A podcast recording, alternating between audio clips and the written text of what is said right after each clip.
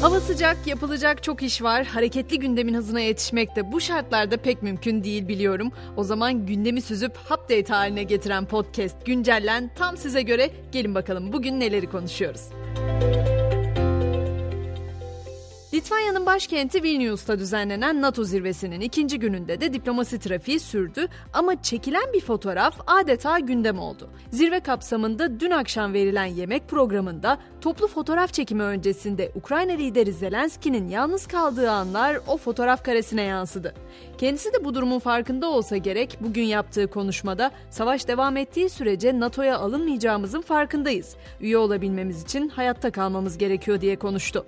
İsveç'in NATO'ya girme konusuyla birlikte Türkiye'nin Avrupa Birliği'ne üyelik süreci de biliyorsunuz tekrar gündeme geldi ve bu konu ne zaman depreşse ortaya çıkan tartışmada tekrar alevlendi. Ne o konu? Türkiye sokak lezzetleri denince akla ilk gelenlerden kokoreç. Sosyal medyada kokoreç satışının yasaklanabileceği iddia edildi ama üreticiler Almanya ve Fransa'da kokoreç işletmelerinin açıldığını dile getiriyor. KDV'nin %20'ye yükseltilmesinin ardından zamları da es geçmiyoruz biliyorsunuz. Bu sefer köprü ve otoyol geçişleri zamlandı. 15 Temmuz Şehitler Köprüsü ve Fatih Sultan Mehmet Köprüsü tek yön geçişi otomobil için 8 lira 50 kuruş oldu. Gelen zamlarla birlikte Osman Gazi Köprüsü 190 lira, Çanakkale Köprüsü 205 lira, Ankara-Niğde otoyolu da 140 lira oldu. Zamlarla mücadele yetmezmiş gibi aşırı sıcaklarla da mücadelemiz sürüyor. Türkiye aşırı sıcakların etkisinde İstanbul başta olmak üzere birçok şehirde sıcaklık 35 derecenin üstüne çıkacak. Uzmanlar özellikle yaşlılarla kalp ve tansiyon gibi kronik rahatsızlığı olanları öğle saatlerinde dışarı çıkmamaları konusunda uyarıyor. Aşırı sıcaklar bu arada orman yangınlarını da beraberinde getirmiş durumda. Muğla Milas'ta otluk alanda çıkan yangın ormana sıçradı. Ekiplerin yangına karadan ve havadan müdahalesi devam ediyor.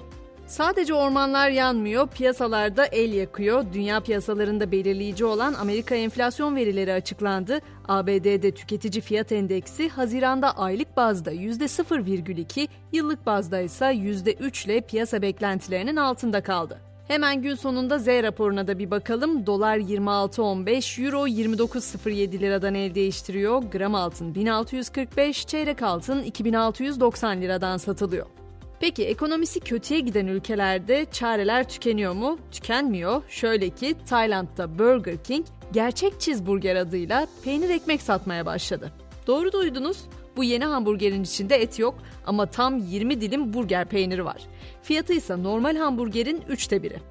Teknoloji dünyasına geçtiğimizde ise o alandaki rekabette artık herkes kafes dövüşüne odaklanmış gibi duruyor. Elon Musk'ın Kanadalı güreşçi George St. Pierre'le yaptığı antrenmana Meta'nın kurucusu Mark Zuckerberg'ten yanıt gecikmedi.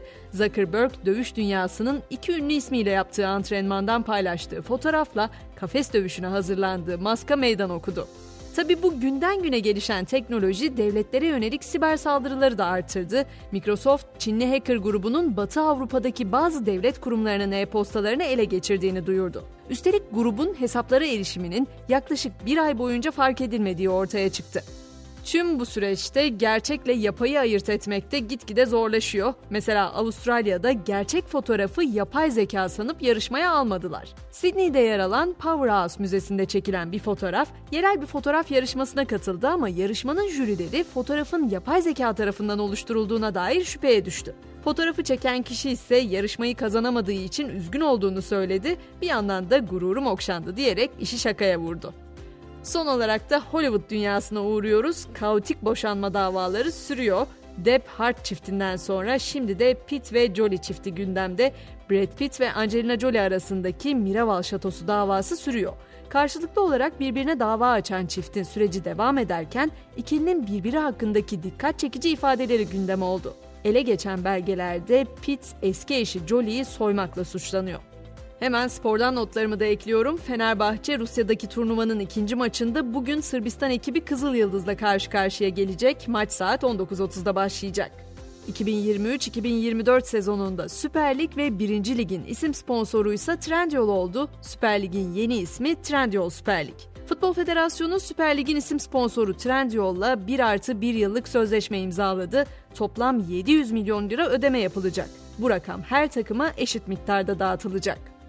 Ve güncellenin sonunda bu akşam 94 yaşında hayata veda eden Çek asıllı Fransız yazar Milan Kundera'nın sözlerine yer vermek istiyorum. Ruhları görünmez olmuş bedenlerle dolu uçsuz bucaksız bir toplanma kampından başka bir şey değildi yaşadığımız dünya diyor.